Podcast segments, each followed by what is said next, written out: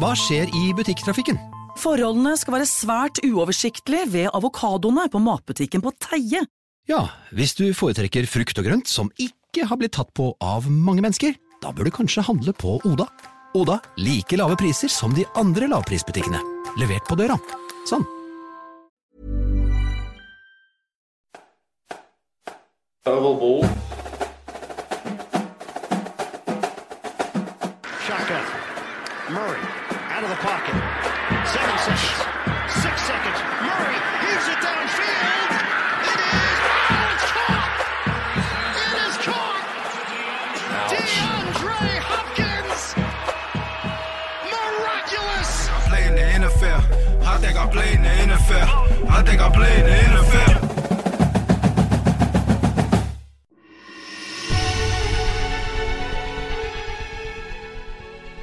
Hjertelig velkommen til Oval ball. Vi har gått tilbake til en dynamisk duo og skal levere på nivå med deilige rookies som Pickett og Pickens i dag, Stian. Hadde aldri trodd de kom til å bli nevnt i den sammenhengen her, men for en duo. For en duo. Vi skal prate om en deilig thanksgiving-kveld med football til folket. Ja, det blir topp tre denne gangen òg. Og vi må kikke litt på hvordan playoff nå ser ut to tredjedeler inn i sesongen. Og kanskje ikke så overraskende, Kenneth dukker opp når man minst venter det, som en Jordan Love eller Mike White helt ut av det blå. Eller snappen går. Football til folket. Football til folket.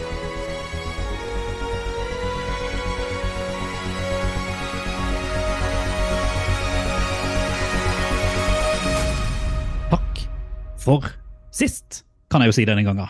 Og i like måte, det var så fint. Det var så kjekt. Har du eh, landa? Du fikk kjørt Kenneth til toget og krasja ikke? Krasja ikke, det gikk bra. Vi var jo, eh, For dere der ute som ikke har fått det med seg, så var vi samla i loftstua til Stian sammen med barn og hund Ja, ja, ja. og alkohol, og alkoholfritt må sies, siden jeg kjørte bil. Eh, God pizza, mye gode snacks, og ikke minst veldig mye god football på TV-en. Viktig å understreke at vi var ikke pære, selv om uh, altså, det var barn til stede. Det var rolig. Det var takknemlig. Nice med pizza, mat og kjempegod fotball. football. Altså, det er liksom, det, altså, det er nesten synd at ikke det skjer oftere at man har uh, tre sånne kamper etter hverandre på en, en dag hvor man kan samles og, og kose seg. og Spesielt i den tida når det er et sånt fotball-VM som ingen bryr seg om, så er det, det er ikke en grunn til å samles. Ja, så var det, det, var, det var nesten sånn at vi tenkte Altså, fotballen kunne ikke vært bedre tilpassa nesten norsk tid. Du har Nei, den siste kampen som var ja, lovlig seint, men Ja. uh, i tillegg til London Games og, og München Games, som det har vært, så, så er jo dette her eh, det nærmeste vi kommer primetime. Ja, det var Altså, Thanksgiving jeg må bare si jeg elsker fotball den, den dagen. Det, Jeg skulle gjerne bytta ut uh, halloween med thanksgiving. det er sant, Ha to thanksgiving etter hverandre. Ja, eller at vi, på en måte dropper halloweenfeiring i Norge, eller alt det følger med, bringer med Mm. seg, og heller bare kjørte full uh, Turkey Town uh, på thanksgiving. Det hadde vært fint. Har du hatt noe annet artig som har skjedd i livet ditt siden, eller lever du, flyter du ennå på thanksgiving-fotballen? For det det. Men det var jo Det starta jo en sånn superhektisk helg, egentlig. En uh, langhelg, skal vi kalle det. Ja. Med julebord fredag, teater med familien på, på lørdag, og uh, så kom um, ja, fotballkjøret på, på søndag. Ja, for det skal sies, da, det er ikke så mange som, som eh, Jeg vet ikke hvor mange som følger det på sosiale medier, men det var i hvert fall tydelig der at det var julebord på fredag. Eh, Det, det, var, det var bra. Det var bra, eh, bra markert. Så For hele familien, skulle jeg til å si. Det var kvalle. Det var, det var gøy. Men du, da? Nei, jeg hadde besøk av, av min, min far, som er bestefar. Så her var det eh, familiehelg uten så mye utskeielse, rett og slett. Sovet ut? Har du det? Ja. Jeg har fått sove for første gang til lenger enn til klokka ni på et halvt år, så det var deilig. Oi sann. Det var fortjent. Takk skal du ha. Men la oss prate litt om fotballen isteden, da.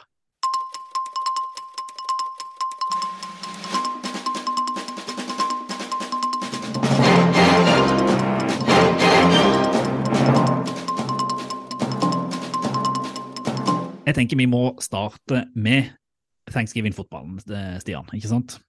Ja, og det medfører jo egentlig at vi må starte med Kenneth òg, fordi han ikke har skjønt uh, en dritt igjen. Han skjønner ingenting. For han, han, var jo med oss forrige sending, ikke sant? Så Nå husker jo ikke jeg sjøl, men han, Jo, han satt i studio, vårt digitale studio. studio. Han var satt- også hjemme hos meg på tegnskriving. Det var han. Vi har pratet med han to ganger denne uka. Og forrige gang så valgte jo jeg eh, min kamp, som jeg da tenkte jeg skulle gi et lite eh, Du valgte ikke si hele foredrag, men resumeer. Ja. Eh, og det var jo da Lions Bills, som vi satt sammen og så, eh, og vi koste oss med. Eh, og så skulle jo Kenneth være med oss i dag òg. Han har jo ikke dukka opp, men han har sendt oss et, noen lydklipp.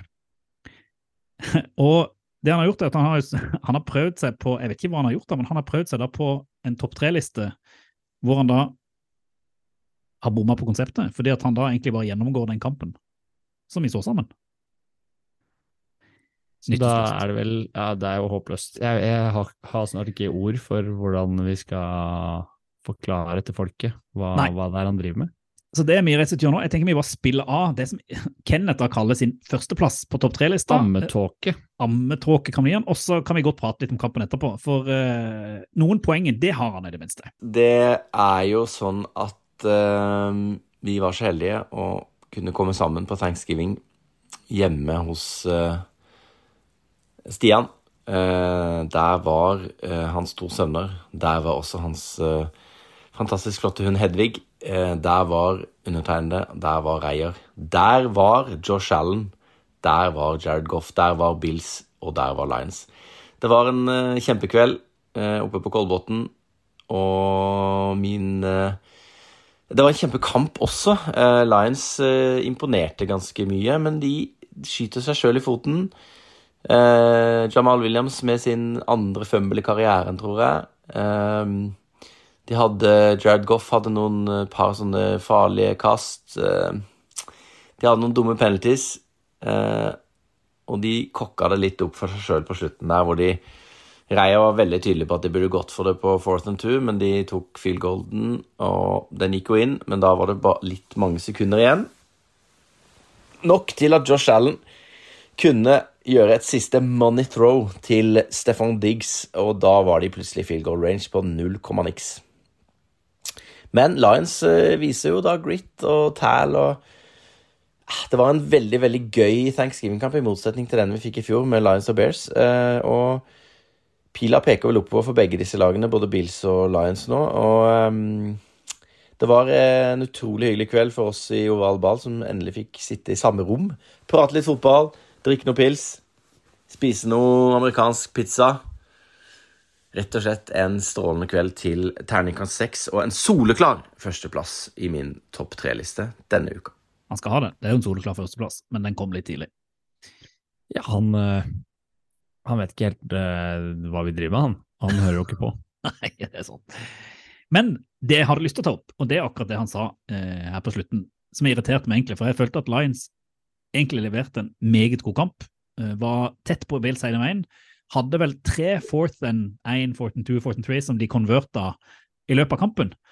Og så kommer de på slutten der, og så velger de da å sparke den ballen og få en uavgjort når Bills har Josh Allen, Stefan Diggs og var det 45 sekunder eller noe igjen på 28. 28 ikke sant, igjen på klokka, eh, og de trenger bare et field goal. Jeg mener der skulle de gått for det på Fortin 2, gambla eh, hardt når de har vært så gode, og jeg mener en, jeg er enda kritisk til den. altså. Jeg mener at det er grit å gå for han. Det er det grittet den Campbell er ute etter. Ja, jeg skjønner at du tenker det, men vi, da vi satt og diskuterte kampen nå, så er det jo Det er jo ikke så rart. De har jo sikkert gått for det så mange ganger og følt at de, at de bommer. Så hvorfor ikke prøve en annen approach nå og gå for field goalet og satse på at Forsvaret holder? Men det er den teorien da, som vi har tatt opp mange ganger, og som viser seg at ofte slår feil. At du kan ikke alltid stole på at du holder tett bakover. Du må få poeng på tavla. Hvis du er det 32. Nå, jeg vet, nå har de kanskje stiget et par grader, men det 32. ish forsvaret i ligaen, og du har et av de beste offensene i ligaen, så skal du stole på at forsvaret holder. Mm, jeg liker ikke den argumenten, altså. Nei, jeg syns ikke det holder. Eh, Jeg er enig med deg i det. Eh, Nå hadde de en eh, virkelig sjanse til å klå en av de største, og en av favorittene til å vinne, vinne Superbowl i år. Mm. Og de gjør det altså ikke. Nei, de gir det jo bort, rett og slett. Der hadde de muligheten til å ta det i egne hender, så må de på en måte overlate det til, til andre steder. Så jeg var, jeg var litt skuffa over Lions der og da, men i det store og det hele så syns jeg det Lions-laget nå, som vårt litt sånn favorittlag etter Hard Knocks, viser at det bor noe i dem, og at dette her eh, ser meget spennende ut med de running backsene de har, og de kan- folkene de har på kant med St. Brown og Eh, til og med Jared Goff ser jo spennende ut. Eh, Ja, han gjør det, men et av mine hovedpoeng etter den kampen er jo kanskje at quarterback-posisjonen er den store forskjellen på de to lagene. Ja. At eh, Goff eh, kaster bort ballen og bommer på noen viktige pasninger eh, når det skal avgjøres, mens Josh Allen ikke gjør det. Han står frem når han skal, og i tillegg så har han den egne evnen til å løpe når det er riktig å løpe. mm, Han, han tar ikke unødvendig risiko på det, men han, han uh, scrambler og, og uh, gjør det laget trenger. Um, og han er den aller viktigste brikka som Bills har, som mest sannsynlig kommer til å gjøre at de når i hvert fall championship game, eh, mest sannsynlig også Superbowl. Tror jeg du har helt rett i. Og Det er gøy når Lions sitter vel nå allerede med tredjevalget, siden Rams er så dårlig til neste års draft. Så det kan, kan jo lukte en, eh, en quarterback eh, der òg, muligens i alle fall. Grunnen er han som vant uh, Superbowl i fjor. Ja. Yep. Men Josh Allen er et annet, er en, et annet kaliber av quarterback sammenlignet med Jared Goff. Og Jared Goff har spilt bedre enn han kanskje gjorde noen gang i, i Rams da han var der. Mm. Så all ære. Han presterer eh, godt over middels, uh, syns jeg, som quarterback, men Mm. han er ikke i nærheten av Josh Allen. Så applaus til Bills som drar det i land og vinner. Gode lag vinner på dårlige dager. Uh, og det kan vi vel nesten si at Bills gjorde, gjorde her. Og eh, jeg leste et eller annet at det er første gang det har vært en sånn back-to-back-win i, i, Detroit på veldig mange år. Dem hadde Bills som to, ikke Detroit Lions. Så det er jo litt artig. Mm. Så måtte vi og Kenneth gå, fordi at han måtte rekke tog. Jeg måtte hjem og legge meg, men det var jo et par kamper igjen som skulle ses. Et par kamper igjen. Eh, den kampen som gikk, eh, skal vi si, seinkampen, som starta vel ti på halv elleve Mm. på Thanksgiving, den var mellom Giants og Cowboys. Og når vi trekker frem eh, når vi trekker frem eh, Josh Allen fra den tidlige matchen, så kommer vi kanskje ikke unna å trekke frem Micah Parsons eh, og det han leverer for, eh, for Cowboys-laget i, eh, i kampen mot Giants. For han Nei, er så stor, han er så god. Nå hadde de nettopp en kåring i NFL Network over de beste spillerne under 25, og han vant enstemmig Mm. den kåringa. Ja, helt, helt vill. Så Og Cowboys stikker jo av med, med seieren der og eh, befester litt sånn eh, sin plass i den divisjonen. ja, Mm. og de er et godt lag. Mm. De har et forsvar som leverer med Parsons i spissen, og så har de i tillegg en solid linje. Dak Prescott kommer sannsynligvis til å spille seg bedre og bedre etter, etter skaden, og ser at han er kjempeviktig. fordi han kaster to interceptions som er mm, litt uh, Den ene er i hvert fall litt uh, Jeg syns den er litt rotete og Mm. litt unødvendig. Eh, men så har de Sick Elliot som er på gang. Eh, CD Lamb har våkna. Og eh, i det hele tatt et ganske sånn solid sammensatt lag som eh, ser ut til å kunne hamle opp med, med de fleste. Og Giants er jo ikke noe dårlig lag basert på hvordan de har prestert, men her kom de aldri helt helt i gang, nok, syns jeg. det er jo det. det når Cowboys har fått forsvar, nei, angrepet seg litt i gang med det forsvaret de har, så er de, det er vanskelig å stoppe. Virkelig. Altså, New York eh, de leder 13-7 til pause, Mm. men samtidig så sitter man med følelsen av at Cowboys har en eller annen kontroll på det. Og de har spillere som kommer til å steppe opp når det, når det trengs.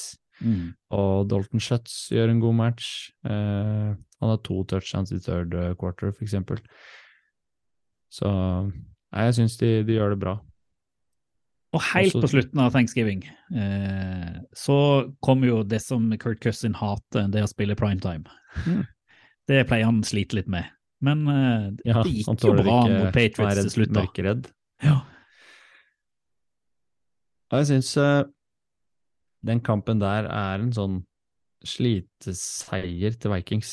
De vinner 33-26 til slutt, og der er jo kampen utrolig underholdende, syns jeg. Den koste jeg meg ordentlig med da jeg satt sånn. så den.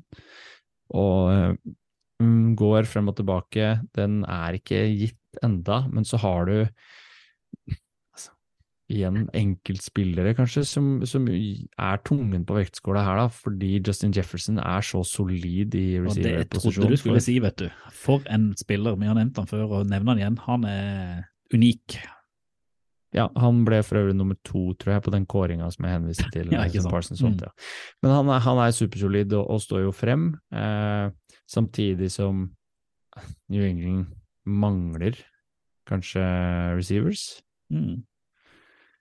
Og er vel Davante Parker som har Han har vel 80 yards og fire, fire receiving yards. Eller fire catches, da. Mm. Og eh, løpespillet til eh, til New England er ikke noe sånn Det er ikke noe særlig å snakke om, og de har nesten ikke ballen. På, på session time så, så har New England ballen i 8.46. Ikke sant. Og det er jo ingenting, det. Nei. Og så har du en ting som, som sto seg fram som jeg tenkte på etter kampen, det er at uh, Mac Jones spiller kanskje en av sine beste kamper i eh, New England-trøya, eller i hvert fall beste han har gjort på et års tid. Han var jo ikke så verst da det dro seg på sluttspillet i fjor. Nei, sant, men han har, husker. vært usta, han har ustabil i år. Ja, vært litt småskada, ikke fått det helt til å stemme. Mm. Eh, nå syns jeg han leverte. Mm. Og det var jo helt til han skulle hente inn og levere mot slutten. Da blir han Mm. tatt, og det blir ikke noe ut av det. Mm. Så han er bra helt frem til det, til det siste, men det, det lover jo godt, da. Og jeg satt og tenkte, er egentlig Mac Jones er det han som er den beste quarterbacken fra, fra den uh, QB-klassen fra fjorårets uh, draft? Og så var det en annen som stjal eh, showet etterpå. da. Han kommer Kommer nok, kommer nok litt tilbake til han etterpå, skal du se. skal du se. Men nå har jo du prata om sant, Du er jo så, du er en deilig mann, så du sitter jo oppe hele natta og ser fotball. Men det var jo ikke noen av disse kampene du valgte ut forrige runde. Eh, du, hadde en, eh, du hadde jo en annen kamp som du mente var rundens høydepunkt. Mm. Og fikk du med deg den, du? Jeg har ikke fått med meg annet enn sånn, kaller man det sånn 40 minutes eh, football slash highlights, men for en kamp! Ja, det, Det må jeg jeg, si. jeg syns Du kan velge. Ja, jeg kan velge innimellom. Sist gang var det Jonathan, men den gangen her syns jeg kampen var skikkelig underholdende. Og jeg hadde på følelsen at Green Bay i hvert fall kom til å gi de, gi de match, eh, og at Aaron Rodgers kom til å Han, han kom til å, å um, egentlig bidra med det han kan best, og hadde et par gode passes og, og gjorde matchen ganske godt for eh, vi for Green eh, Bay. Green Bay Packers mot eh, Philadelphia Eagles, bare for folk der ute som ikke helt er med på hvem som møtte hvem. Folk vet det. Folk vet det. Ja, jeg Men, prøver å være pedagogisk. pedagogisk. Men det må sies, uh, Eagles er jo et supersolid lag, og de har en offensiv linje og et løpespill, de, som jeg er redd ingen lag kan klare å stå imot. Skal du slå Eagles, så tror jeg du må slå dem på en annen måte enn å stoppe Altså, du må klare å stoppe løpespillet til en viss grad, men at du klarer å stå helt imot, det tviler jeg på. Mm. Fordi gutta med Dickerson og co. På, på linja der, de er så svære og tar så mye plass og dytter unna det som kommer. Så har du Sanders som bare dundrer gjennom, og gjør ikke han det, så tar Hurts ballen i egne hender og, og gjør det på, på egen hånd. Det er sant. Det er eh, kanskje den beste offensive linja i ligaen. Ja, jeg syns det, og her møter de jo et ganske solid forsvar. Kanskje, ja, Packers har kanskje slitt litt mer på linja enn de har gjort de siste åra, men likevel så, så blir de bare spist opp. Og det løpespillet til Philly er det som jeg syns er um, den største forskjellen i kampen her. Mm. Eh, det er morsomt å se Jordan Love når han kommer inn og har et par av flere gode involveringer, både til han jente Christian Watson, for eksempel, som løper seg fri fra er det 60 yards eller noe sånt. Du ser farta til Watson virkelig slår ut i full blomst, og han er jo en av de spillerne som har levert kjempegodt de siste, siste rundene. Mm. Eh, og står frem i et uh, receiving eh, korps som er ganske sånn tynt besatt fra før. Men, Men, ja. ja. kjør på. Men jeg syns, eh, syns det er også Eagles sitt løpespill og, og egentlig måten de kan variere angrepet sitt på, da, som blir eh, eh, kjempeunderholdende å se på. Kampen der svinger litt sånn frem og tilbake, og, og Philly tar kanskje ikke helt tak på det før, før det drar seg til mot slutt, men man sitter igjen med den følelsen av at de er et bedre lag. Det skal mye til for at de, for at de taper den kampen der, da. Ser vi Aaron Rodgers noe mer denne sesongen, tror du? Jeg vet ikke hvor kraftig den smellen han fikk i ribbeina var, i tillegg til den tommelskaden. Nei, for nå så jeg da at han hadde fått gode nyheter på den skannen sin, og da har planla visst å spille mot Bears i neste runde. og Det overrasker meg nesten litt, for nå føler jeg at Packers-sesongen er ferdig, og nå kunne de få testa ut Jordan Love, men uh, Love, ikke Løv, men uh, Love er vel uh, bedre. Men han er vel kanskje litt sånn Aaron Rodgers, da. Han skal, han skal vise seg frem. Han setter seg ikke på benken hvis ikke han må. Nei, Det virker sånn, og han bestemmer vel egentlig selv om han ja. skal spille eller ikke. Jeg tror ikke mm. Matt LeFleur tar den kampen med han nå midt i sesongen. Selv om det hadde vært den ypperlige muligheten for, for, Packers å se hva de hadde i Jordan Love før, før neste sesong. da. Mm, han, han da... ser spennende ut, han har masse gode ja, vurderinger, har en god arm. og... Packers har tenkt å trade Roger, som ryktene går på òg, kanskje. Eh, så er det jo nå man må, må teste det ut. Eh, litt som Rams har det, eh, kommer vi sikkert tilbake til kanskje senere. At der er sesongen ferdig òg, så nå liksom bare teste ut det du har. Ja, men vi kan skryte litt av Rodgers sånn samtidig, da, for han er jo en vanvittig steier som ja. uh, fighter gjennom uh, smeller ganske lenge i kampen der, og den tommelskaden som han hadde. er vel Han, mm. har spilt med brudd nå i flere, flere kamper, så han er glad i spillet, og han ja. presterer jo kjempesolid, syns jeg. Kjempenivå et... egentlig i denne kampen her, fram til han ble skada. Ja, og er jo, har et begrensa opplegg rundt seg, så det er ikke rart at han ikke får det helt til i år.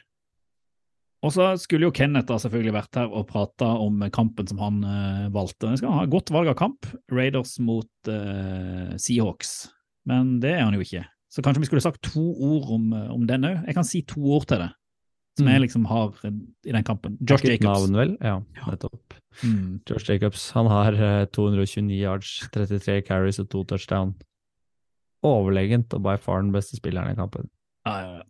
Og bare liksom signere den med det lange løpet sitt på slutten der i overtime, som gjør at uh, Raiders i mitt hode egentlig ganske overraskende tar denne seieren. Jeg hadde egentlig sett for meg at Seahawks skulle kontrollere dette inn, sånn som de har vært i år, og Raiders har vært så ustabile. Så litt sånn klapp på skuldra til Starta litt sånn nå, med int Derek Carr og ja, Seahawks som banka rett inn.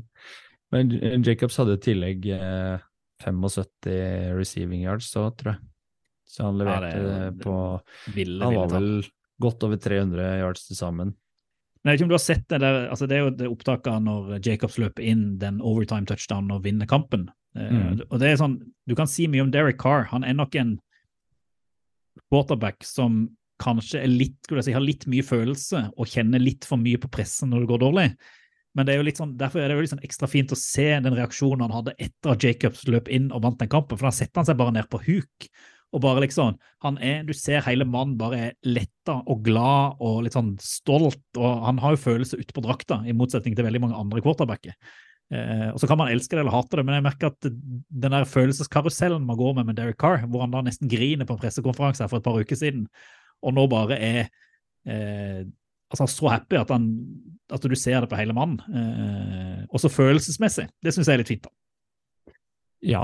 Uh, følelse er vi glad i i denne mm. podkasten her, iallfall. Mm, spesielt med. Uh, og jeg syns, uh, syns, du har rett i det. Det er fint å se på og, og gøy når Jeg vet ikke om det, om det vi skal kalle det Raiders-prosjektet nå foreløpig mislykka, eller hva det er for noe, men de lykkes ikke 100% med det de sannsynligvis hadde sett for seg før sesongen.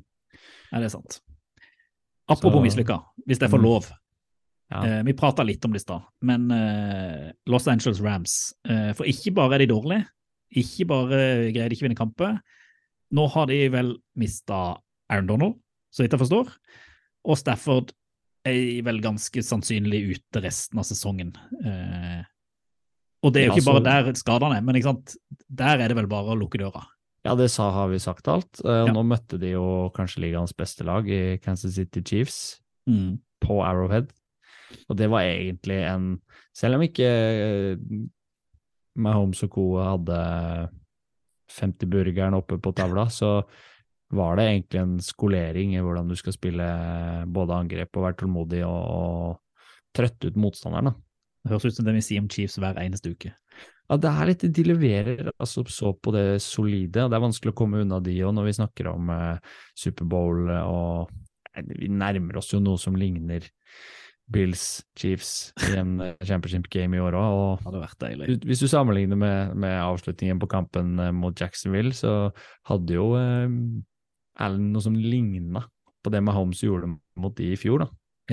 Det, Med det så få sekunder, og så ser du hvor fort de gjøres her. Så du må liksom opp på det nivået hvis du skal være helt oppe i, oppe i skyene. Et par, jeg tenkte meg bare, for det var liksom et, et kick mot alle skadene. Eh, det er kommet et par andre skader òg, som jeg tenker vi må nevne. Najee Harris er ute, så vidt jeg har forstått. 34 Mhm. uker i Steelers. Elijah Mitchell, eh, som den, skulle være den andre backupen for verdens beste running back i eh, San Francisco 49ers, er ute. Kanskje resten av sesongen, i alle fall 6-8 uker. Ja, det var tungt eh, slag for både Mitchell og Shanahan og hele Fortinaner-slaget, egentlig. De har belaga seg på at han skulle bare spille seg varmere og varmere i trøya og være med. Så nå, nå blir det vel å se mot et par av de rookiesene som de har, eh, har på gang. Eh, og så må de bare håpe at McCaffrey holder seg skadefri. Han drev og styra med noen kneproblemer her nå, leste jeg. Hør, hør på den setninga 'håpe at McCaffrey holder seg skadefri'. Kommer aldri til å skje. vet ikke at det kommer aldri til å gå, men i hvert fall etter at de trada bort Jeff Wilson, da, så er det jo litt synd at det skulle gå den veien. Ja, ikke sant. Tristan Worfs er jo ute i fire pluss pluss uke. Ja, og han nå er en sånn spiller som blir nevnt i, i forbindelse med de beste spillerne under 25, da. Eh, offensive tackle til Buckeneers, Buccaneers, som er altså Viktig. et beist han spiller. Mm. Eh, men det, hvis du så, så du den taklinga, eller hvordan han ødela ankelen der? Blir takla sånn i lufta, det var ikke noe fly, altså det så forferdelig ut når han får han angriperen oppå seg. Ja, det, det er mye, mye litt vonde skader. Så nevnte vi jo eh, Roger, som vel kommer tilbake, men som kunne kanskje være ute noen, eh, noen, eh, noen uker. Og så Mooney er ute for sesongen. Ja, Ser jeg Viktig Bears-angrep. Mm. Sammen, sammen med um, Justin Fields der, så kan vi vel også lokke igjen den Bears-kista for i år. Ja, det er litt synd, selv om de har sprella godt der i løpet av sesongen. Jeg må jo bare legge meg litt flat. Eh, Jeg vet ikke om folk husker eh, forrige episode, hvor jeg da henviste til en historie fra garderoben i Denver Broncos, hvor eh, ryktene var gått at det var en, det var en Miss Melvin Gordon, var det ikke det? Som hadde satt på noe future. Det var bare bullshit. uansett- Det var bare tull og tøys. Så er Det det var- jo en fantastisk historie, da. Det var en utrolig gøy historie. Eh, og grunnen til at jeg sier det nå, er jo bare for å i sånn god presseånd iallfall legge seg flat og si at der tok vi, tok vi feil, selv om ikke vi følger noe plakat. Men òg at Melvin Gordon nå har gått til Chiefs. Ja, Han er klar for uh, i hvert fall practice squad, da. Mm. Så får vi se om han uh, jobber seg inn i, uh, inn i laget der, eller hva han gjør for noe. Jeg tror han kan være en god backup, i alle fall. Hvis han da greier å holde på ballen. Han slet jo med litt det oppe i Broncos nå i starten av sesongen. Så Ja, du skal ikke helt kimse av Kimse av um, Andy Reeds altså, mulighet, altså utnytte stallen, spille seg sånn gradvis altså, De har ikke vært helt på toppnivå enda, Chiefs heller, og utnytta det drøyeste de har av angrepsspill. Så det å ha et par, par av de gutta der, i tillegg til Pacheco da, og Edward Gelair, som jo er skada, mm. eh, og uvisst hvor lenge han er ute, så er det jo klart de trenger jo Melvin Gordon kan bidra godt, han. Mm. Og så er det siste jeg vil si, men jeg har ikke lyst til å si noe mer enn det, det er at neste uke så er det Sean Watson tilbake for Cleon Browns. Ja. Trist. Jacobi Brissett har jo gjort sakene sine over all forventning, syns jeg. Jeg syns òg det. Og har, Slår nå eh, Tom Brady i denne runda her. Mm, og har jo brakt de egentlig i en posisjon som ikke vi hadde trodd på forhånd. Det er vel heller resten av laget som ikke har levert på nivå, Mm. eh, spesielt forsvarsmessig. Mens eh, Jacobi mister jobben, han er ferdig. Pælma på gata, har ikke jobb. Nei. Han Deshaun blir bare gitt et sølvplate med å komme inn og skal møte det dårligste laget i ligaen, som utilfeldigvis tilfeldigvis er hans gamle lag, Houston Texans, nå neste runde. Så det er jo lukter tap, eller? Åh, det hadde vært så deilig. Ja, nå Ingenting vi, hadde vært bedre enn at Browns gikk på trynet mot Texans. vi har snakka lite om Browns uh, i poden til nå i år, og det er jo litt fordi vi etisk sett er ferdig med de. Ja, altså så jeg tror ikke vi skal vi... prate noe mer om de nå heller. Uh, vi får se, da. Topp tre. Tre topp. Pott tre. Opp tre. Topp tre. Oval vals, topp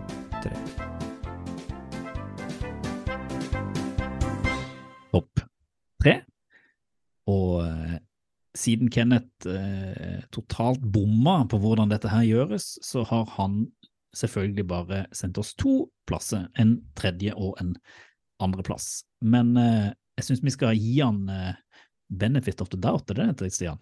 Nei. Nei, ok. Eh, Men vi spiller det iallfall av, sånn at vi kan høre hva han har plukka ut fra, fra denne runden, til dere folket der eh, ute. Hallo, hallo. Beklager at jeg måtte trekke meg i siste liten. Eh, Alle våre lyttere er selvfølgelig dritlei om kids og, og crapolas, men en liten dobbeltbooking gjør at jeg må spille inn en, en sylfrekk topp tre-liste og sende inn. Eh, min tredjeplass, som jo like gjerne kunne vært en førsteplass, er eh, Tua Tangavailoa. Heit. Heit nå, Tua.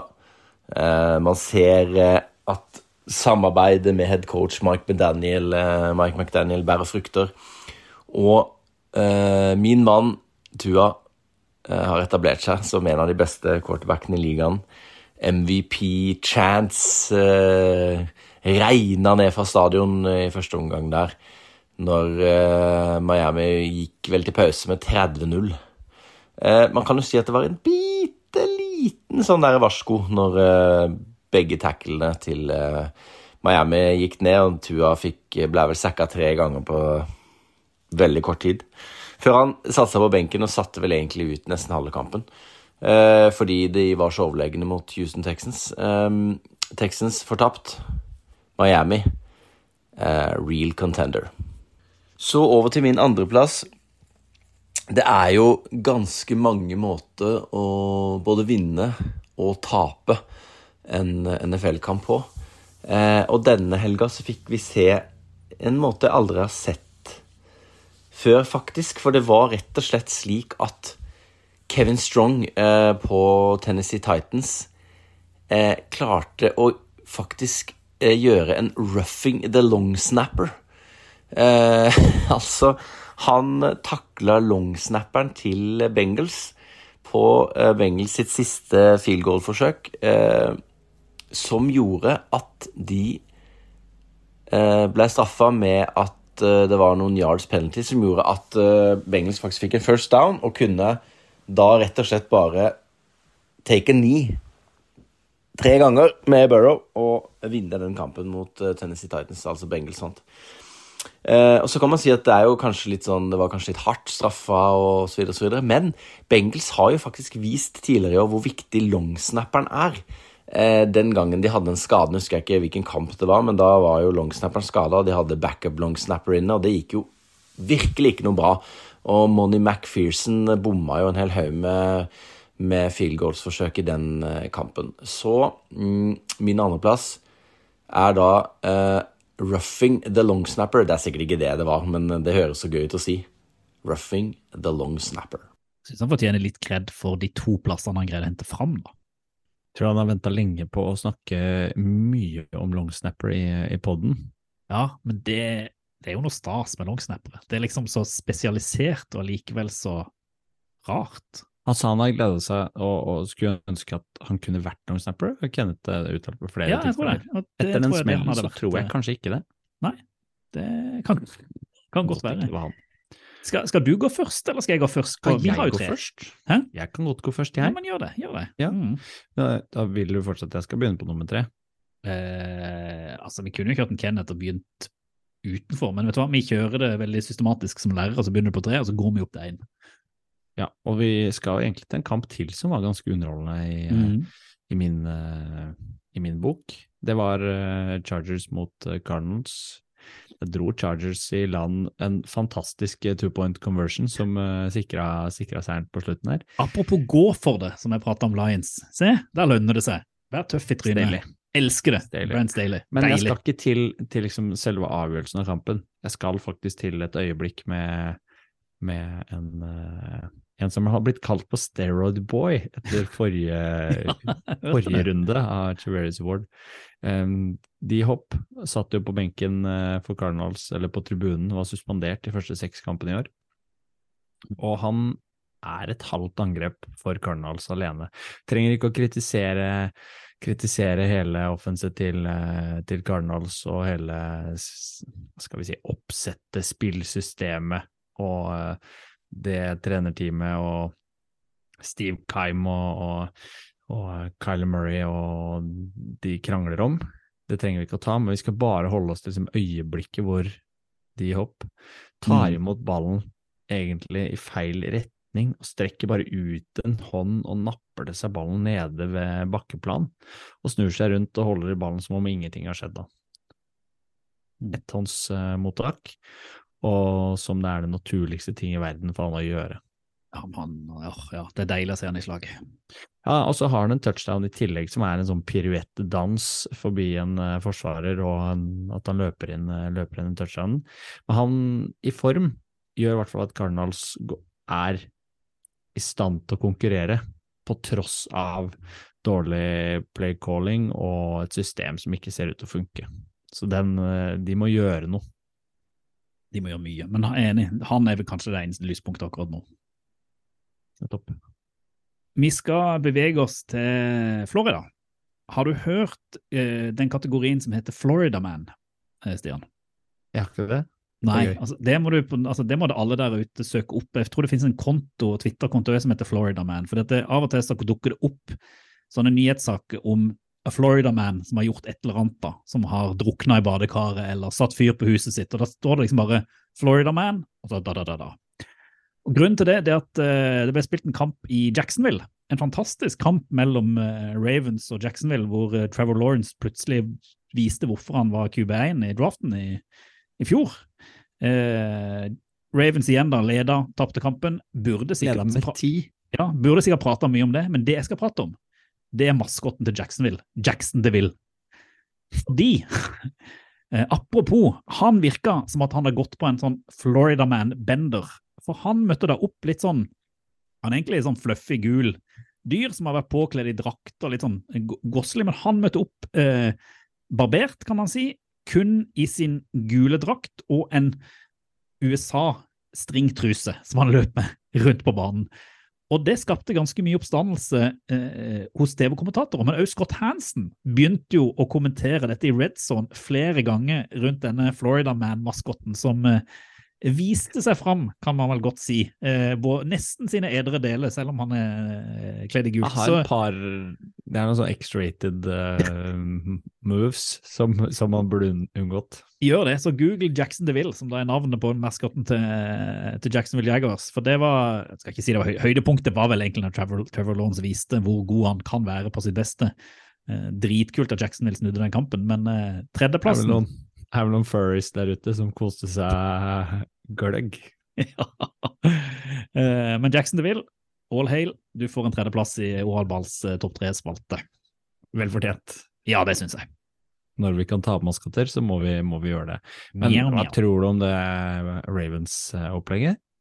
Eh, altså, jeg må jo si at alt ligger på Lamar. Eh, han gjør det han kan, men det er ikke så mye mer som skjer. Og det forsvaret til Ravens det begynner å bli under enhver kritikk. fordi at du kan ikke ha et angrep som leverer og leverer og leverer, og så leder du en kamp, og så bare sånn Ok, så stopper det litt for angrep, og så bare Forsvaret sier 'åpen dør, velkommen inn, kjør her på'.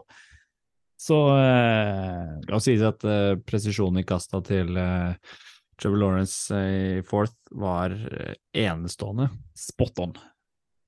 Så jeg velger å hylle han heller enn å Men det er ikke spesielt lovende for uh, eventuell playoff for, for Ravens heller, hvis de ikke klarer å tette igjen bedre bakover. Nei, nå er det vel de femte eller sjette kampen de har leda stort å taper, og da er det ikke bare en, liksom en tilfeldighet, da er det en tendens som er Jeg veldig tror fjerde eller femte kampen mm. i år. Mm. Uh, og jeg tippa på Ravens i hvert fall fire av de kampene. Yes, du Så som som det denne helgen. Jepp, jepp, Ja da. Men du da? Men min, ja, jeg skal til et uh, lag som uh, egentlig ikke slipper til noe, som har forsvar. Mm. Og det er mitt lag. Ditt lag. San Francisco 49ers. De slapp ikke til noen poeng de, mot eh, Saints. Det er ganske imponerende. Det er ganske imponerende. Um, og jeg tror det skjedde sist, hvor Saints opplevde det sist, det tror jeg var i 1991. Det var Såpass, også mot eh, 49ers da.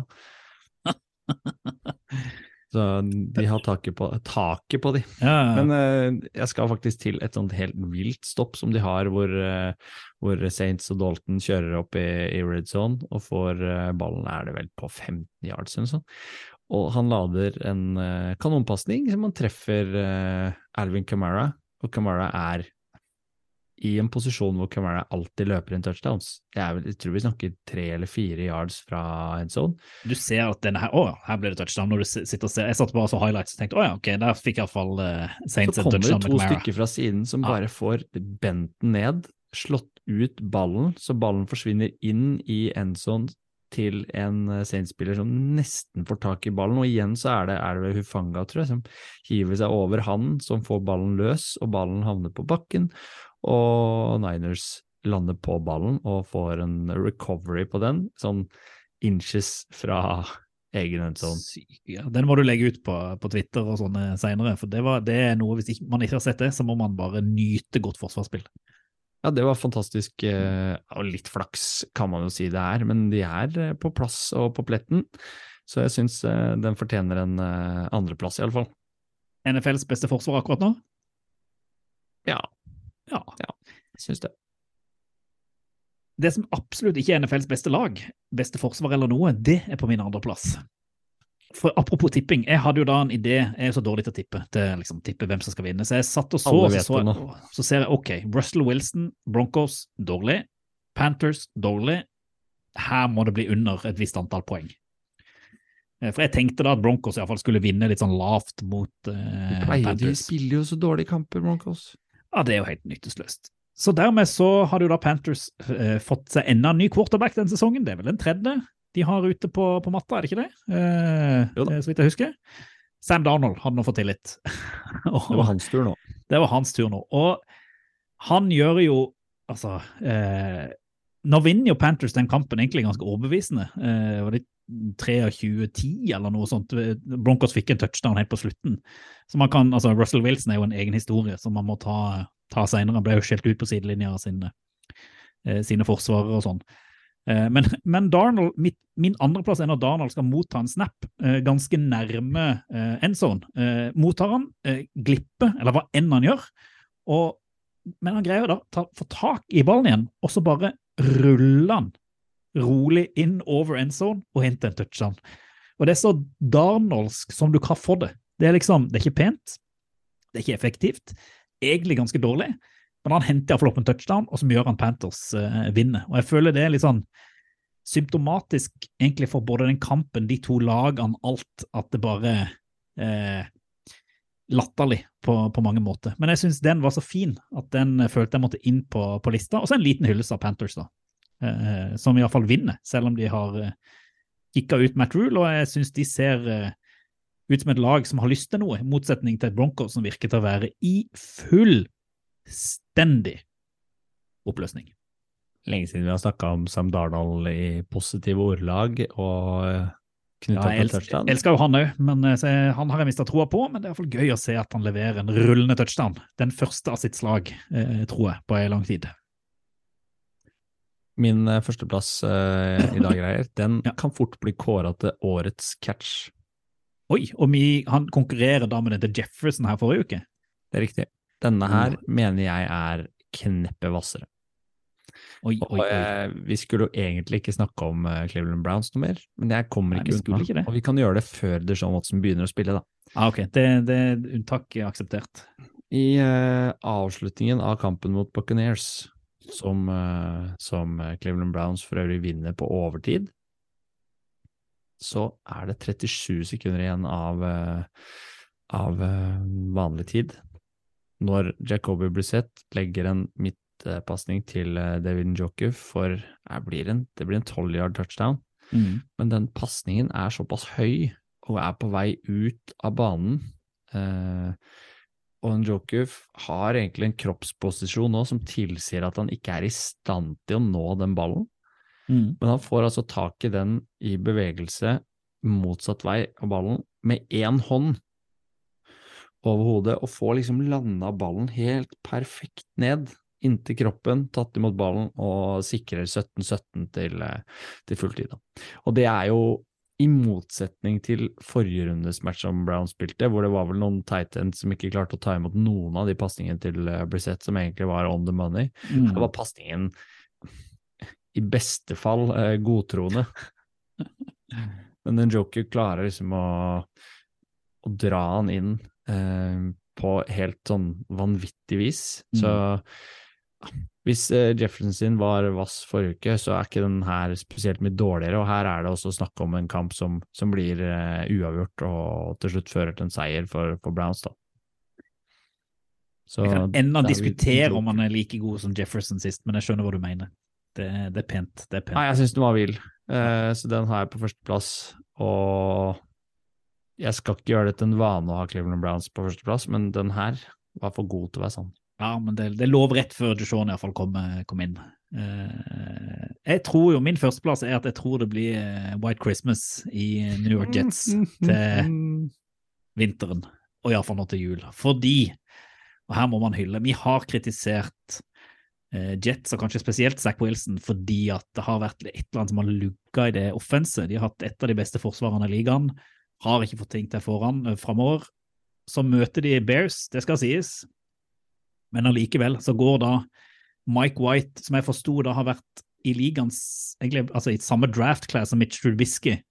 Han har vært der siden 2018, vært Mm. egentlig backup hele veien. uh, går inn og leverer noe av det beste du kan levere som quarterback, egentlig. Uh, høy passer rating, uh, gjør ingen feil. Eh, og så så jeg en statistikk da at eh, eh, av, av de quarterbackene som har spilt for Jets da, denne sesongen og siste sesong, så er det da eh, eh, to, altså, Mike White han har spilt to kamper, eh, hvor han har hatt tre passing touchdowns. Har spilt fire kamper totalt den, i løpet av to sesonger. Joe Flacco har spilt én kamp, hvor han har hatt three, pa three passing touchdowns, eh, fire totalt. Zack Wilson har spilt 20 kamper for Jets, har ennå ikke hatt en kamp hvor han har tre passing touchdowns. Så jeg vil bare hylle eh, Mike White. Jeg tror eh, Zack Wilson kommer til å sitte på den benken så lenge ikke han får en sånn der meltdown som han gjorde forrige sesong. For han var jo inne så vidt Mike White i fjor òg, eh, og ble litt skada og kom tilbake og ble spist opp om det var Buffalo Bills eller hva det var for noe, og liksom havna ut igjen. Men jeg tror at hvis han leverer OK i en ganske tøff kamp, er det ved Vikings neste uke, så Ja. eh, Han får stå Eh, nå, Hæ? Ja, så Han tror jeg han står.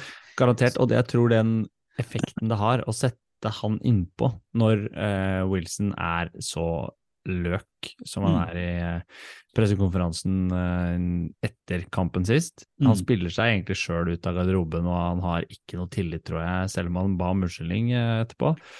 Så gjør han f.eks. Gareth Wilson mye bedre. Gareth Wilson har to touchdowns, løper nesten for 100 yards og ser også ut som den ja, den rookien som vi trodde han skulle være. Elijah Moore fikk jo litt eh, fart i støvlene sine. eh, Han setter opp angrepet helt annerledes og tør Mm. å ta de pasningene som Zack Wilson ikke tar, og virker egentlig til å være tryggere i måten han leser eh, alternativene sine på. Det er det beste jeg har hørt. Dette er gøy. Det der, det er fett. Oval ball anbefaler. Ukas anbefaling eh, kommer fra Sørlandet, og det er litt spesielt i og med at jeg ikke har tid til å se fotball eller å være med på podkasten denne uka. Men dette kan man gjøre innimellom, og det er altså at Pro Bowl-voten er åpen. Så da er det bare å sette seg ned, finne frem blokka si med notater fra sesongen, og plukke ut seks fullbacks som du syns har prestert på toppnivå, seks offensive guards, seks tackles, seks free safeties, seks strong safeties, og listen går gjennom alle posisjonene. Det er rett og slett ganske gøy. Eh, og du kan stemme så mange ganger du vil. Det er bra, for når du har plukka ut seks stykker, så blar man seg lenger nedover listene. Så ja, kanskje den personen burde vært med. Men den kan du da ta med i neste runde, når du stemmer en gang til. Det er gøy. Eh, og denne gangen så er jo Pro Bowlen eh, Kampen er jo eh, på en måte skrinlagt, og det de skal gjøre nå, er faktisk eh, tidenes første flag football med NFL-spillere.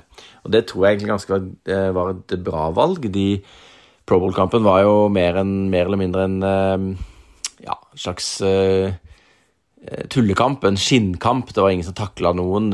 Veldig, folk vil jo ikke bli skada i en sånn tullekamp. og Eh, nå er det mer, skal de gjøre mer sånne øvelser, konkurrere mot hverandre i forskjellige typer kast og løp og hopp og spark, sikkert.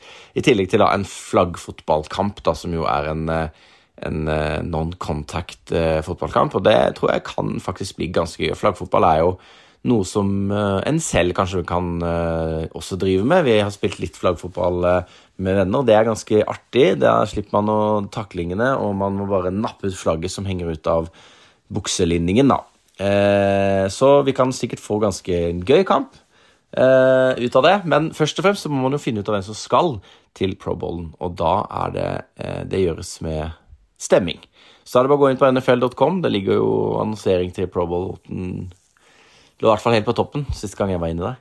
Eh, så utfordrer jeg alle til å plukke seks fullbacks som de kjenner til, da. Lykke til!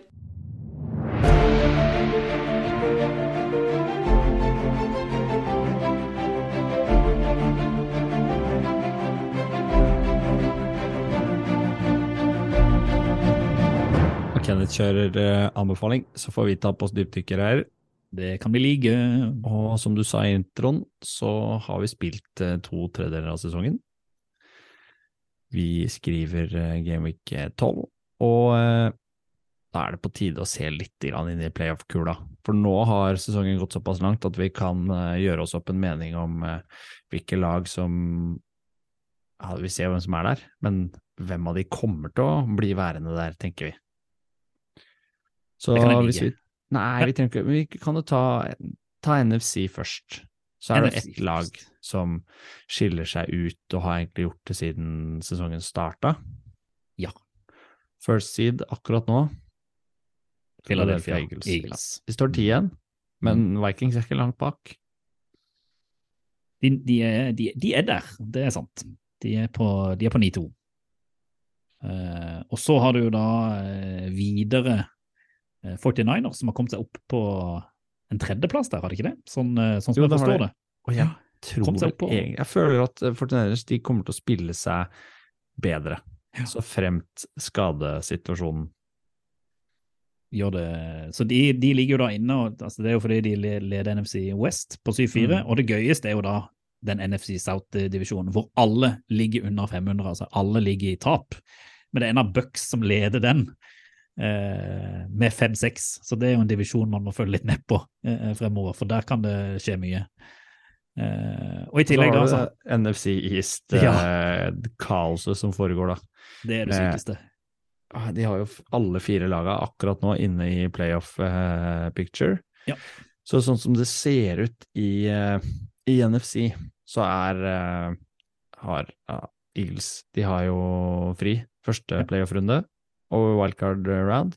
Så er det så er det vel Cowboys som møter, eh, som er femte sida, som møter fjerde sida Bucks. Det er Giants som er sjette sida, som møter tredje sida 49ers. Og så er det andre sida Vikings som møter syvende sida Washington, Washington. Commanders. Ja. Og av de laga der, så har vi vel mest tro på at det skal endre seg for eh, de NFC East-laga, eller? Ja, altså jeg tviler vel kanskje på at alle de kommer til å være inne i playoff. Altså at Washington Commanders er der ville overraske meg, og sånn som Giants har vært i det siste, så ville kanskje det òg overraske meg, meg litt. Og så er det jo det NFC South er kjempeusikker på, for der er det Man hadde jo troa på at Buccaneers skulle ta den divisjonen enkelt og greit, men nå har de vært så dårlige at eh, skal ikke utelukke at Falcons kan komme opp og, og ta han. Oi, altså I verste fall. Du skal ikke utelukke at Panthers heller kan komme opp der og snuse på en, eh, på en playoffs-spot, selv om jeg tror det er usannsynlig. Så nå har for eksempel, Hvis vi ser på Washington, da, som ligger på den utsatte sisteplassen her, så har de igjen i sine matcher så har de igjen uh, Giants, som jo Mm. blir uh, helt bingo oss på. Mm. Uh, de har en bye week, og så har de Giants igjen, Ja, så der kan vi avgjøres, nettopp. egentlig. Og så har de igjen San Francisco borte, Heftig. Cleveland Browns og Ja, til slutt Dallas. Ja, altså, jeg, altså skal jeg nesten si det sånn at Hvis Washington vinner mer enn én kamp, så blir jeg nesten overraska. Eh, sånn, rett og slett. Ja, så jeg tror egentlig at de lagene vi kan regne bort, er eh, blant de. Hvilke lag tenker du kan nærme seg playoff i NFC, da? Og nå, nå, nå, nå kan jeg tenke på Vi skal få tenke én med hjernen og én med hjertet. Mm. Eh, hvis jeg tenker med hjernen, så tror jeg hvis Seahawks greier å skru litt på igjen, så kan det være at de kan komme seg inn i playoff eh, på bekostning av et av de NFC East-lagene. Mm. Hvis jeg tenker med hjertet, så håper jeg at Lions vinner resten Mm. og kommer seg inn eh, i playoff eh, gjennom det. Selv om jeg ikke har så troa på det. Det hadde vært dritgøy. De har jo sånn semitøft uh, opplegg, Detroit igjen, med mm. Jacksonville nå, Minnesota, Jets, Panthers, Bears og til slutt Packers. Tenk om den Packers-kampen blir avgjørende. Ja, men tror du de vinner alle de der? De Nei, spiller jo alt for altfor jevnt med alle, så det er tvilsomt. Men håp, man, man, håpet må alltid være der. Håpet dør aldri. Håpet dør aldri, men jeg har jeg vet Hva har du troa på, da? Jeg tror faktisk førstelaget første du nevnte, at de kan være med og, å nærme seg noe. Jeg tror egentlig Seahawks, eh, med de kampene de har igjen De har to igjen da mot Rams, Mm. og jeg syns ikke Rams ser ut som noe lag. De har siste kampen også mot Rams. Eh, de har en kamp mot Panthers. Og så vet du aldri når de møter San Francisco. De har liksom likt oppsett og løper mye. Eh, Kansas blir vel fort tap, og Jets er åpen. Ja, det, det er åpent og spennende. Det må jeg si. Ja, det, ja. Også, det er jo umulig å spå det playoff-opplegget nå, men uh, ja. Jeg syns det er uh, gøy å se på det, iallfall. Og Commanders er vel det laget jeg tipper at ikke kommer til å ta av det NFC East-divisjonen, hvis, hvis alle Hvis de skal få tre plasser, da. Men jeg tenker målsettinga for Cowboys må jo rett og slett være å, å Om ikke de tar Vikings, så bare holde seg på den femte siden som de da får, for da møter de jo vinneren NFC South, og det er jo uten tvil den dårligste divisjonen. Så det må jo være en, en gull i en wildcard-uke, i alle fall.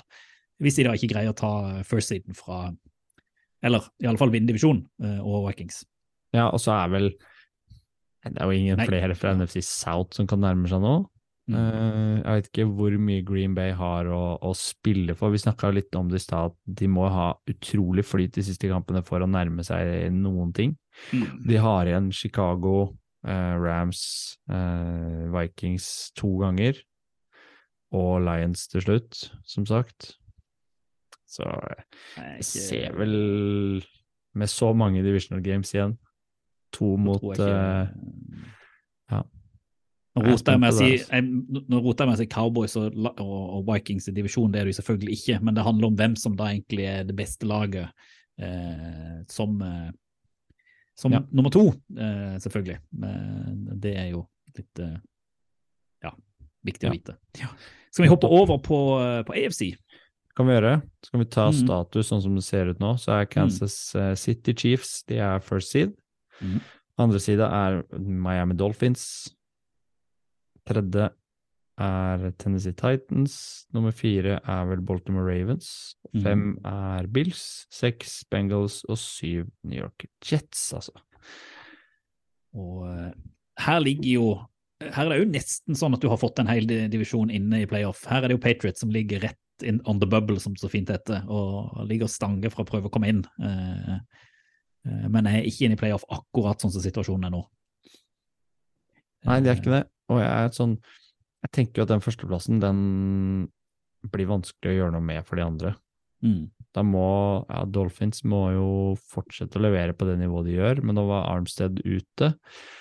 Uh, så jeg tror vel det er kjempeavgjørende for hvordan uh, Eller hvor god arbeidsforhold Tua får. Mm. Og Buffalo, Miami og Jets liksom fra den uh, divisjonen der, fra AFC East, er de to East-divisjonene som, som står seg ut egentlig på begge sider. New England som er bobla. De skal jo møte hverandre litt ø- framover. Så der er det jo, hvis det er noen som, altså, noen som kan greie å utfordre, så er det vel kanskje Bills slash Dolphins, som du sier, den first seeden til Chiefs. Men siden de skal møte hverandre så mye, så er jeg usikker på om liksom det er ett lag som går greier å vinne ut alle de kampene i divisjonen. Ja, forrige uke så snakka jo Sander Daleng om at han ikke hadde troa på Cincinnati Bengals, da, som var hans Mm. favorittlag. Og de ser på det de har igjen, så har de igjen uh, Kansas City Chiefs, de har igjen uh, Browns, Tampa Bay Buccaneers, de har igjen New England, Buffalo og Baltimore til slutt. Så jeg, Ja, ja. det ser tøft Ja, ut. Jeg syns egentlig Miami sine er tøffere, men de ligger såpass godt an at de sannsynligvis drar seg inn allikevel. da. For de har igjen Mm. 49ers, Chargers, eh, Bills, Packers, Patriots og Jets. De møter jo nesten bare allerede playoff-lag, så det er jo uh, Men de har jo òg vært så gode at det er kanskje Det er kanskje der de viser at de er muligens det, det beste laget i hele Hva skal man si? AFC. Det er jo ikke Ja. sikkert, men uh, Kanskje, men se AFC West som Kansas City regjerer i, da. Ja. Så er vel eh, Chargers det laget derfra som kan være med å utfordre hvis de har litt flyt eh, mot slutten av sesongen. mm, Og den var jo viktig, den kampen de dro i land seieren mot Cardinals nå sist. mm. Men både Raiders og, og Denver kan vi nok eh, avskrive. Jeg, tror, altså jeg vil tørre påstå at du kan nesten avskrive alle utenom Patriots og Chargers. Eh, jeg kan ikke se for meg verken Colts, Jaguar, Raiders, Browns, Steelers, Broncos, Texans egentlig komme seg inn i playoff, sånn som det ser ut nå fra, fra EFC. Nei, ingen av Det er de har mening, levert i nærheten heller. Nei. Uh, så jeg, jeg er langt på vei enig med det. Selv om jeg skulle Jeg syns alltid det er gøy med Pittsburgh Steelers, da. Nå, Ja. de, nå slo de Colts eh, på Monday Night Football. Um, ganske fint med, med Pickens og, og eh, Kenny Pickett, uh, som ser egentlig ganske overbevisende ut uh, bak senter. Syns det var gøy å, å se. Uh, og de har jo et sånt ungt, fremadstormende lag med mye sånn pondusspillere, samtidig som de har et forsvar som du vet kan prestere, og en coach som er en luring i Mike Tomlin. Så de, jeg tror ikke de er Jeg tror ingen som gleder seg til å møte, møte Steelers nå mot slutten, og de har også et uh, overkommelig eh, Men selv om de har det, da, hvis du ser litt på sånn altså, uh, win ratio og sånn, så må du, nå må du ha 7-4 for å ligge innenfor playoff i AFC. Og alle, kamp, altså alle lag utenom Patriots og Chargers ligger jo fra uh, 4-7 og nedover. Så det betyr egentlig at de må, de må opp på en fem seire til for å bare tangere lagene som ligger innenfor for playoff. Og da skal jo, selv om det er mye division-oppgjør som gjør at f.eks. Jets eller ja, Bengals, som du sier, kan, kan tape, så altså det, det er liksom, Ja, ja, det kan skje, men da skal de vinne et av disse lagene vinne alle kampene sine. Og skal de jo være rett og slett heldige med at noen av lagene som ligger nå i playoff, nesten går på en sånn heidundrende smell. Og det Jeg greier ikke helt å se det for meg. altså. Nei, jeg ikke heller. Jeg gjør ikke det. Jeg syns bare det er gøy å tenke at Steelers-laget Blant de som gjenstår, hvis du snakker om de to du nevnte, så, så er kanskje Steelers det som kommer etter de igjen. Ja. Eh, basert på både meritter og, og hva de er i stand til å ta ut når det, når det koster litt. da. Og så har de jo de har to kamper igjen mot Ravens, f.eks., i divisjonen. Mm. Og de har én mot, eh, mot Browns, som er alltid er kaos, pluss eh, Raiders og Falcons. Og jeg tror også de har en igjen mot eh, Panthers. Ja, det kan være. Så de er jo delvis avskrevet, og det er nok de to lagene du, du tar opp som, som kan nærme seg noe. Og jeg klarer, ikke, jeg klarer nesten ikke å se for meg at Patriots heller klarer å banke nok på den døra til å dra seg inn, da. men der er Belichick en, en luring. Men har du sett siste vi må bare, du har sett oppsettet for de kampene som spilles i wildcard hvis det ser ut sånn som i dag? For da er det jo eh, divisjonsoppgjør mellom Jets og Dolphins, eh, vil jo være det ene. Så Mm. vil eh, Bills møte Ravens, det er jo et ganske heftig wildcard-oppgjør. Og så, samme wildcard-oppgjør som i fjor, og som forrige runde, altså den runda som gikk nå, Bengals kommer til å møte Titans enda en gang i wildcard hvis dette står seg. Og du husker jo hvordan det gikk med Bengals når de møtte Titans i fjor. Og I wildcard. det var altså et sirkus av en fotballkamp. Nei, hva skal du se på? Hva skal du se på? Rundens utvalgte. Vi ser framover. Prøver å plukke ut eh, de kampene vi mener dere der ute bør se i runden som eh, følger. Og så har jeg fått en melding på øret her, da, Stian, fra en viss Kenneth som har bedt klart og tydelig på sine knær om at han må få lov å si noe først. Jeg skjønner ikke at han liksom gidder. Nei, men nå får vi høre hva han sier, og så får du heller skjelle han ut etterpå. Syltyn litt av lydklipp på tampen der fra Sørlandet. Eh, neste uke byr på en herlig gjeng med kamper. Eh, for å sikre meg at ikke dere setter på meg noe sånn der Colts eller noe greier, så selv om de møter jo Cowboys, da. Men uansett, eh, og jeg vet at Stian er 49ers-fan, så vil jeg likevel claime Miami eh, 49ers, altså Miami Dolphins mot San Francisco 49ers, i seinvinduet på søndag. Et seinvindu som det for øvrig lukter svidd av, om jeg må si det. Mike Drop fra Sørlandet, god natt. Hvor glad er du nå, Stian? Han får ikke den kampen. Han er ikke her. Så enkelt er det.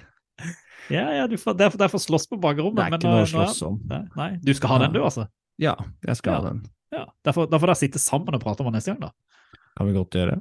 Det er ikke noe problem. Men jeg, i og med at han tok den, så kommer jeg fortsatt til å se den og snakke om den. Han er jo ikke i studio når vi skal spille neste uke likevel, så jeg kommer til å måtte snakke om den kampen også. Hvis dere hadde sett Stian nå, så hadde jeg sett at rynka i panna dukket opp litt sånn sur og irritert, men med smil rundt munnen.